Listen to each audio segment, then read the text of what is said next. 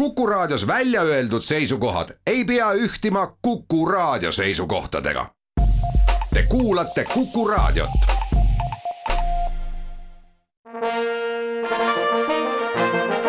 Vanemuise veerand. tere kõigile teile, head Kuku Raadio kuulajad. saates on täna külas Vanemuise balletijuht Mare Tomingas. tere, Mare. tere. mina olen saatejuht Tiiu Rööp. sellel laupäeval, kuupäeva järgi kahekümne neljandal oktoobril esietendub Vanemuise väikeses majas lasteballett Tilda ja tolmuingel. sa oled selle balleti lavastaja, koreograaf, libreto autor ja ka lavakujunduse idee autor. kuidas sa jõudsid Tildani? kas otsides aktiivselt materjali, millest võiks luua uue balleti või sattus sulle Andrus Kivirähki raamat kätte ja, ja siis sa tundsid ära, et see on üks suurepärane materjal, millest luua ballett?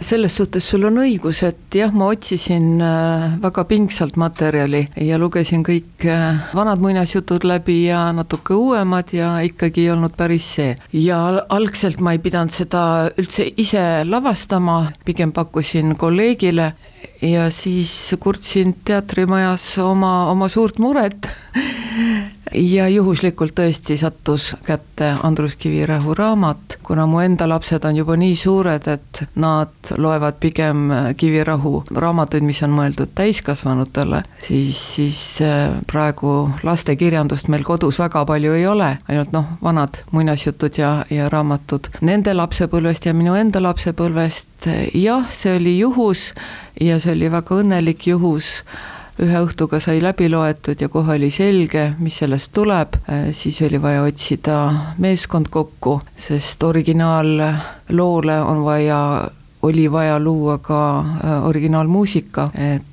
selle looga kindlasti ei oleks haakunud ei Prokofjev ega Tšaikovski. ja pakkumisi tegin äh, nii mõnelegi heliloojale, no neid väga palju ei olnud. Ja siis kuidagi tuli mõte, et, et et äh, miks mitte Vaiko. ja Vaiko luges samuti ühe õhtuga loo läbi ja ütles jah, nii et äh, sellised need äh, loo algused on. kuidas reageeris raamatu Tilda ja tolmuingel autor Andrus Kivirähk, kui tema poole pöörduti sooviga teha Tilda loo põhjal ballett, mida ta ütles?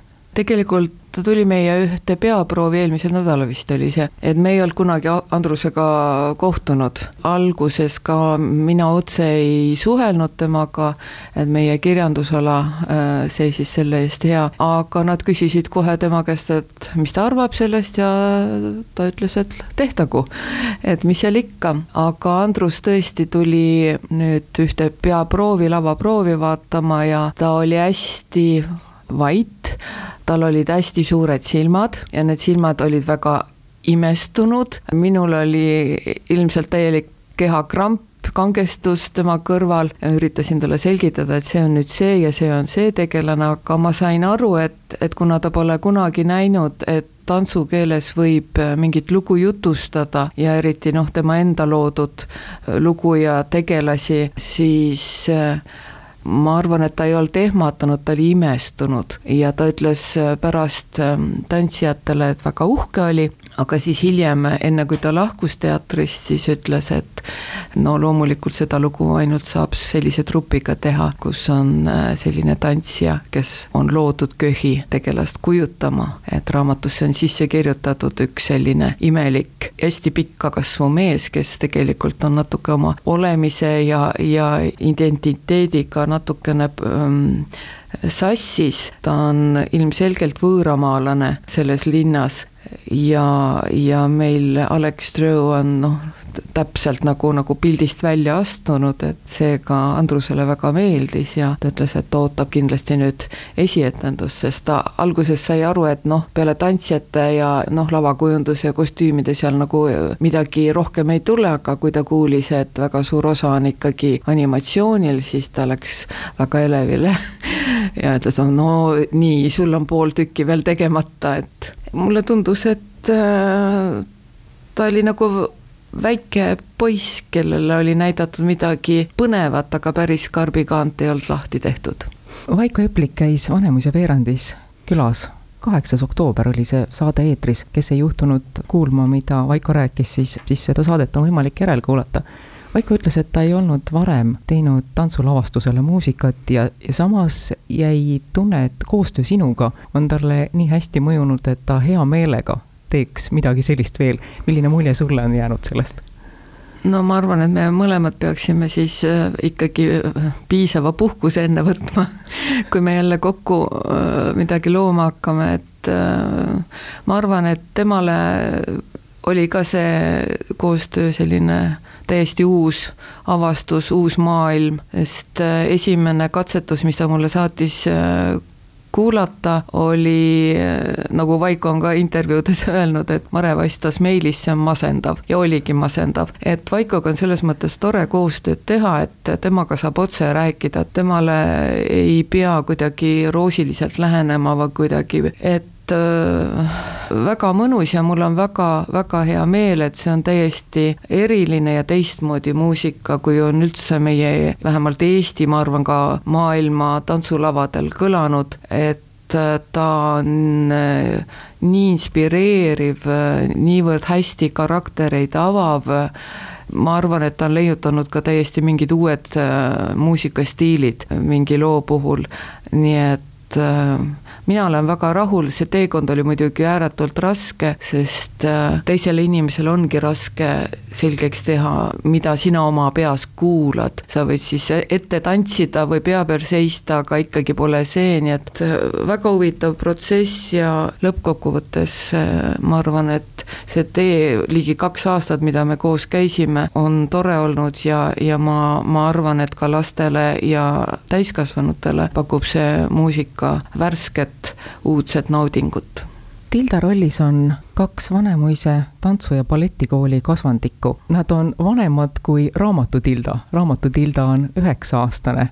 Nad on ka varem Vanemuise lavastustes üles astunud, samas ei ole nad nii tuttavad publikule kui Vanemuise teised balletiartistid. palun iseloomusta tüdrukuid tüdrukud on äh, siis balletikooli mõttes nagu mitte poolel teel, aga juba natuke rohkem kui pool balletikooli programmist läbinud, Miina-Eliise on neliteist ja Jette on kuusteist, aga nad näevad tõesti täpselt sellised välja, nagu Tilda peaks laval välja nägema, nii et äh, praktiliselt nad mängivad ikkagi peaaegu et omaealist tüdrukut et me selles suhtes ei tee seal vanu, vanusest nagu probleemi, et oluline ka on see, kuidas nad ennast väljendavad ja tehniliselt, tantsutehniliste ülesannetega hakkama saavad, sest neil on ikkagi etendus kanda, ikkagi peaosa koos siis äh, artistidega ja nad on omandanud selle etenduse ettevalmistamise käigus selliseid tantsutehnilisi võtteid, mida isegi võib-olla balletikooli lõpetaja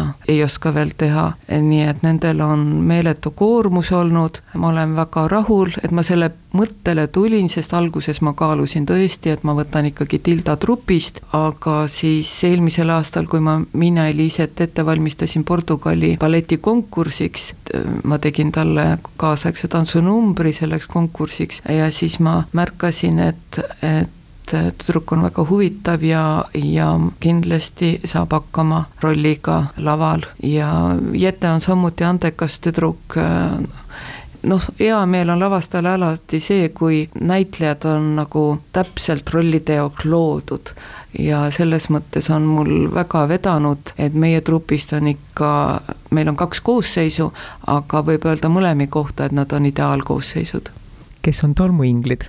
tolmuingleid on üks ja ainuke, aga neid on ka palju, sest tolmu on maailmas palju Meie kogu tolm, maailma tolmu lavale muidugi ei saa tuua, aga peaosas on Gerardo Avelar ja Kassab Church ja Kassil on lausa mitu rolli, ta on veel ka Tilda sõber Lukas äh, ühes koosseisus, nii et palju tegemist, palju sebimist, palju higistamist, tuleb välja, et, et tolm on küll reaalselt väga kerge äh, lendlema, aga kostüüm on väga mahukas ja poisid higistavad, nii et oi-oi-oi. Tilda ja tolmuingel on lasteballett.